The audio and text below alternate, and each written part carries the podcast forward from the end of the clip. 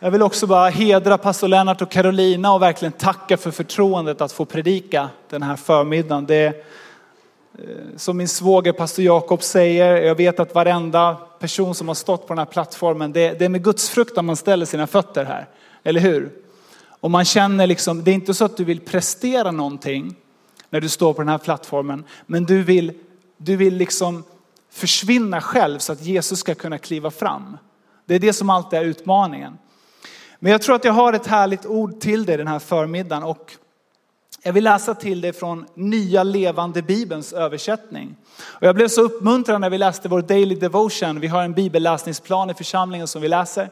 Och just igår så handlade det om det som jag ska predika om idag. Men det här budskapet fick jag för länge sedan så att det blev, det blev en som så här uppmuntran från Gud. Okej, okay, det är på rätt spår Martin. Jag ska läsa till dig från Jona bok från det första kapitlet. Och vi läser de 16 första verserna från nya levande, nya levande bibelns översättning. Det står så här, Jona, Amitais son, fick detta budskap från Herren. Gå till den stora staden Nineve och meddela detta från mig, Herren.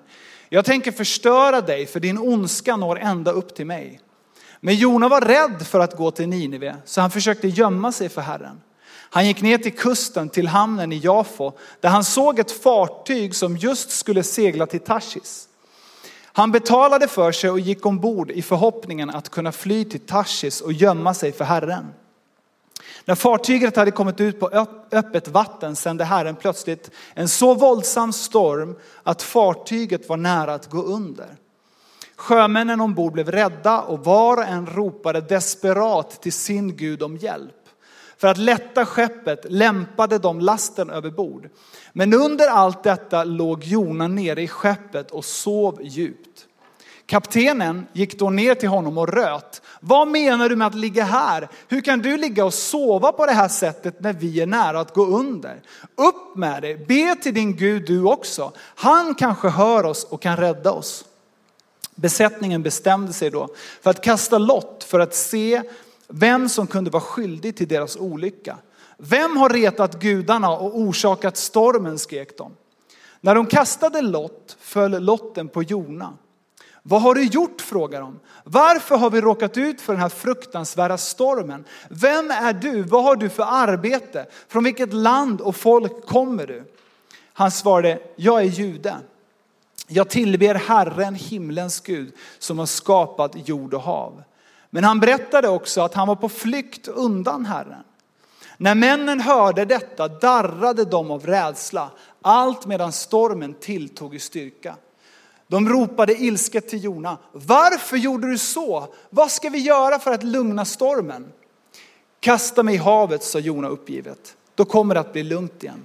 Jag vet att det är mitt fel att stormen kommit över oss. Sjömännen gjorde ett sista försök att ro mot land, men de orkade inte för vinden hade tilltagit ännu mer. Då ropade de till Herren, Herre, vi vill inte dö för den här mannens synder. Gör oss inte ansvariga för hans död, för detta är inte vårt fel. Du har sänt stormen över honom och till det har du säkert dina goda skäl. Sen tog de Jona och kastade honom över bord. Havet blev genast lugnt. Männen blev häpna över vad Herren gjorde och de lovade högtidligt att tjäna honom och offrade till honom. Amen. Vilken story. Alltså Jonas liv, det är en fantastisk historia, eller hur? Och jag vet att du kanske också, precis som jag, har hört många predikningar om Jona genom åren. Jag har faktiskt själv talat ett antal gånger från Jonas liv. Och ofta när vi talar om Jonas så talar vi om just det här, liksom, att han fick ett tilltal, han fick han fick en uppgift från Gud, men han sprang från den uppgiften. Och så läser vi det här. Han kastas i havet, men, men Gud i sin nåd sänder en stor fisk som, som slukar Jona. Och i tre dygn så ligger Jona i fiskens buk. Och när han på djupet har omvänt sig så låter Gud den här fisken kasta upp Jona på land igen och han får en till chans.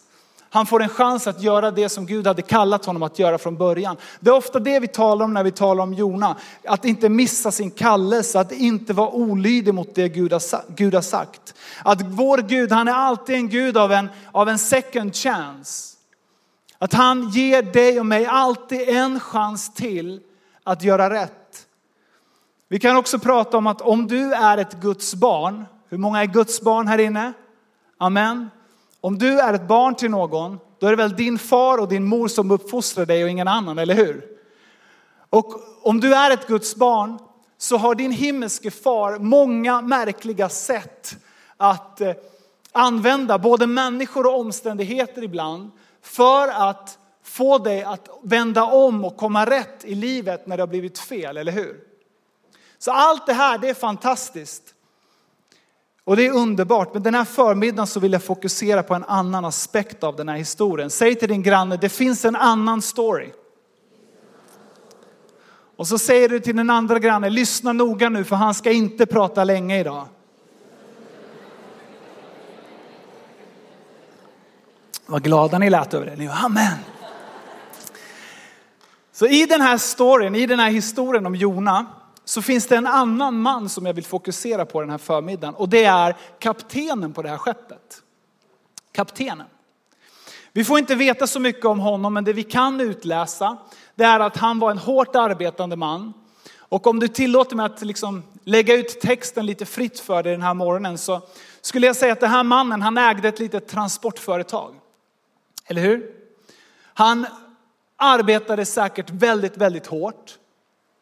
Han transporterade gods från olika hamnar och tjänade sitt levebröd på det där sättet. Och jag tror att han var under perioder tvungen att vara borta från sin familj, kanske i flera veckor, för det gick inte alltid så snabbt med de här fartygen när han skulle leverera godsen.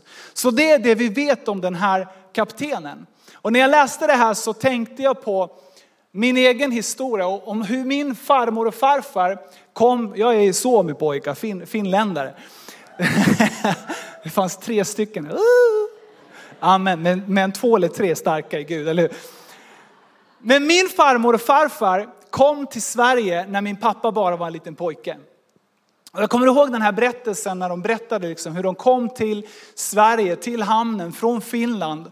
Och eh, farmor och farfar de hade fyra små barn, min pappa var bara en bebis. Och liksom det är så här, jag minns berättelsen berättas att de kom och de hade ungefär 100 kronor på fickan och ett äpple. Och så är det en vänlig familj på en liten ort någonstans i Sverige som kanske en procent av er känner till som heter Dalsjöfors. Är det någon som vet var Dalsjöfors ligger? En, två, tre, fyra, fem. Okej, det var fler. Men det finns en vänlig familj i Dalsjöfors som öppnar upp sitt hem och farmor och farfar och deras fyra barn får bo i deras källare under sin första tid i Sverige. Och farfar får ta ett jobb på en annan ort, han får jobba i en gruva. Och jag tror inte att det var 8 till 5 på den tiden som gällde utan man jobbade hårt från, från tidig morgon till sen kväll. Och varannat veckoslut så fick farfar komma hem för att hälsa på sin älskade familj. Så jag tänkte på det här när jag läste det här. För varför jobbar man så hårt? Varför gör man det? Det är för att man vill göra allt för att ta hand om sin familj, eller hur? Du vill göra allt för att se till att din familj har det bra. Du vill försörja din familj, eller hur? Säg till din granne, we are family. We are family. Så den här kaptenen, han jobbar hårt. Han gör det han alltid gör. Det är en dag som alla andra. Han håller på att lasta sitt fartyg. Men en dag så kommer en man in i hans liv och ber att få följa med på färden. Han ber att få följa med på färden. Och jag vet inte om du har varit med om det någon gång, att du har haft någon person eller någonting som har kommit in i ditt liv som har bett att få följa med på färden och du inbjuder den här personen eller den här vanan eller den här saken in i ditt liv och så här i efterhand så förstår du att du borde aldrig gjort det. Du borde aldrig tagit ombord det här på din båt och låtit det följa med på färden. Är det någon som förstår vad jag pratar om den här morgonen? Gud sa till Abraham, som min älskling pratade om. Abraham fick en kallelse från Gud. Gud var jättespecifik. Gud sa till honom, Abraham lämna ditt land, lämna din släkt därför att jag har ett syfte för ditt liv. Du ska bege dig till det landet som jag ska visa dig. Men jag vill att du avskiljer dig, du lämnar din släkt. Men vad gjorde Abraham? Han tog med sig sin brorson Lot på färden. Eller hur? Och vi vet hur det gick. Gud talar till en man i domarboken som heter Simson. Gud liksom har, kallar honom ända från moderlivet med en övernaturlig, stark kallelse. Gud säger till, honom, till hans mamma att han ska få en styrka, han ska få en smörjelse som Israel aldrig har skådat. Jag kommer använda honom för ett väldigt specifikt syfte. Men för att han ska kunna fullborda det syftet så kommer det krävas att han avskiljer sig. Men vad gör Simson? Han bjuder med Delilah på färden. Du behöver inte räcka upp din hand, men jag tror att jag talar till någon här inne som kanske har bjudit med någon person, någon vana på färden. Och idag så förstår du att om du kunde göra om det här så hade du aldrig släppt ombord det här på din båt. Men det är lätt att vara efterklok, eller hur? Jag tror inte att det var ovanligt för den här kaptenen att ta med sig en till person på sin färd, på färden. Jag tror att det säkert var många gånger som personer kom till honom och gav honom en extra liten slant för att få följa med. Och den här dagen när Jona kom så kunde ju knappast skada, eller hur? Jona får följa med på färden och i vers 3 så kan vi läsa att han betalar för sig. Och det var någon som sa en gång, jag hörde en predikan, det var en pastor som sa så här att när du springer bort från det som Gud har sagt så kommer det alltid att kosta dig någonting. kommer alltid att kosta dig någonting. När du och jag gör det som Gud har sagt till oss att göra, då är ju han ansvarig, eller hur? Då är det han som tar notan. Men när du och jag springer iväg på våra egna små äventyr, då är det vi som får betala priset. Det är vi som får ta kostnaden. Det är sant, eller hur? Men vad är det som händer här? I vers 5 så kan vi läsa att de, de ger sig iväg, de börjar segla. Och då så står det i vers 5 att Herren sände plötsligt en så våldsam storm att fartyget var nära att gå under. Och den här erfarna kaptenen han förstod rätt snabbt att det här var ingen vanlig storm.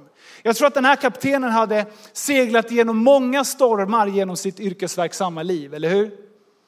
Men han förstod att den här stormen, den kom så plötsligt, den var så våldsam. Det här var ingen naturlig storm, därför att den här stormen hade ett andligt ursprung.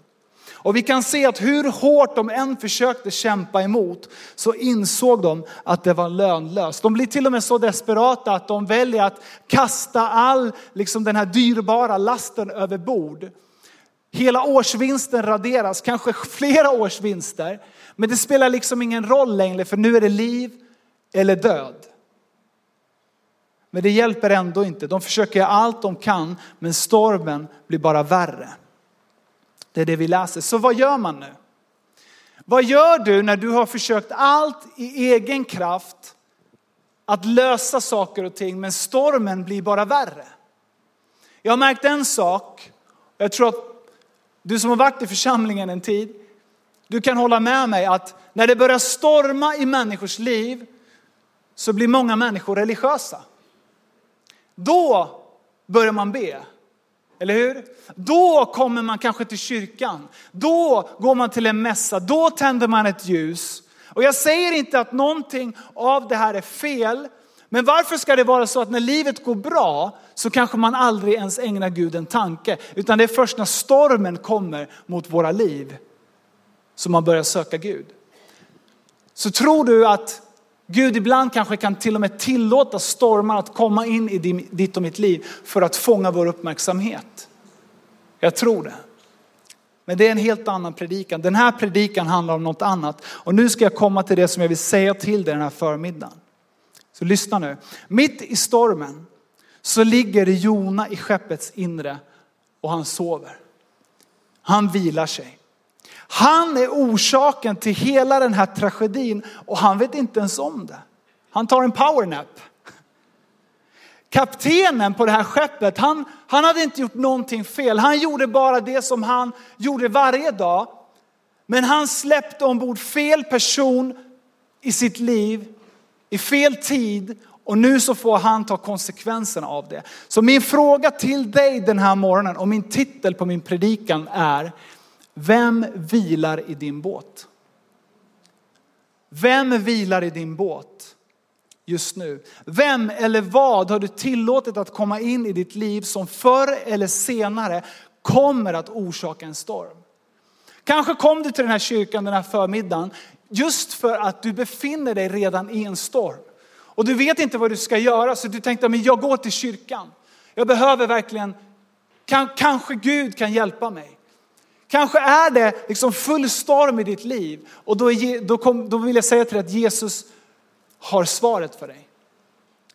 Eller så kan det vara så att du precis har börjat segla och allting ser jättevackert ut. Himlen den är klarblå, vattnet är liksom stilla och allting ser så vackert ut och det, du kan inte ens se tillstymmelsen av att det ens skulle komma en storm. Men när jag talar den här morgonen så känner du på insidan och du vet att det som vilar på insidan av din båt, det som du har släppt ombord i ditt liv, det kommer förr eller senare att orsaka en storm.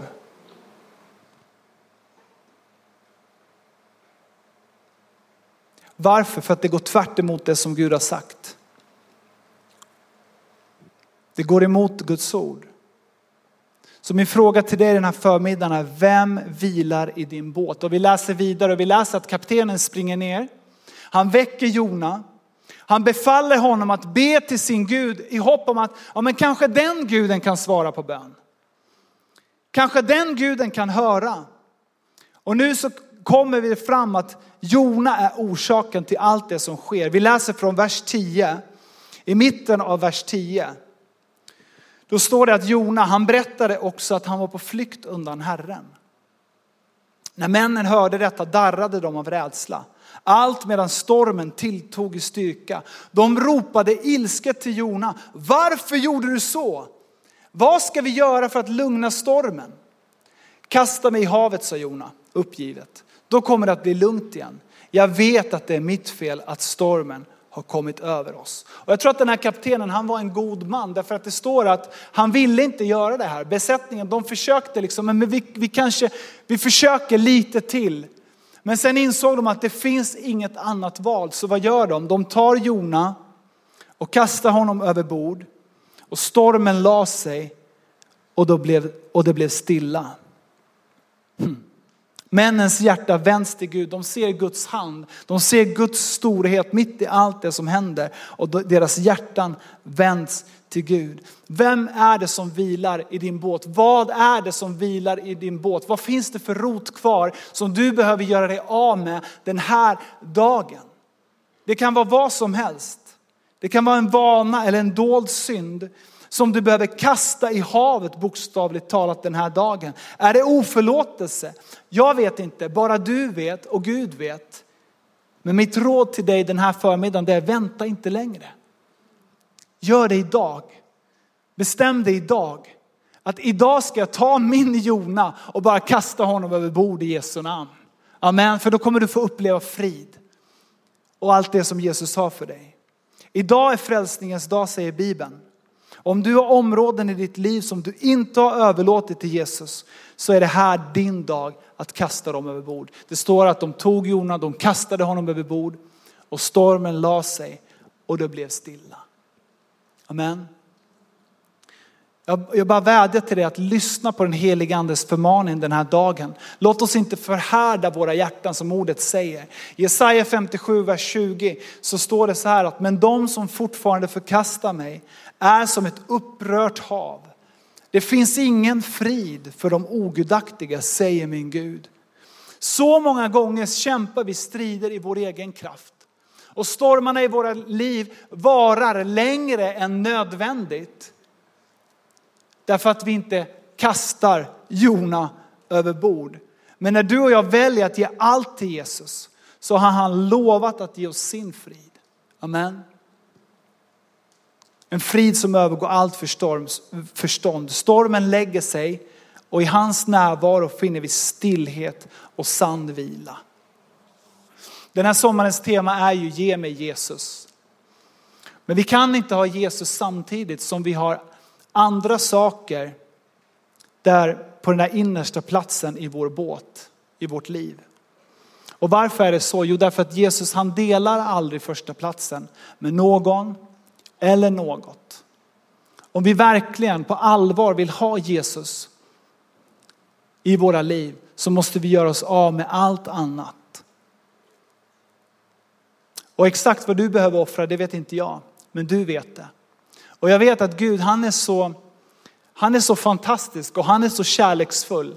Och i sin godhet så pekar han alltid på just den där saken som vi kanske har lite svårt att kasta över bord. Amen. Det finns massor med exempel på det genom hela Bibeln. Hur Jesus bara, människor kommer till Jesus och så pekar han på just det där som fattas dem. Den rika unge mannen kommer till Jesus och Jesus säger ett fattas dig. Gå och sälj allt du äger och ge till de fattiga. Kom sedan och följ mig. Han var den enda som Jesus sa så till. Varför gjorde han så? Därför att hans hjärta var i hans materialism. Jag vet inte vad du och jag behöver göra oss av med eller vad du behöver göra dig av med. Jag vet vad Gud har talat till mig om. Och jag tror att den helige ande talar till flera här inne den här förmiddagen.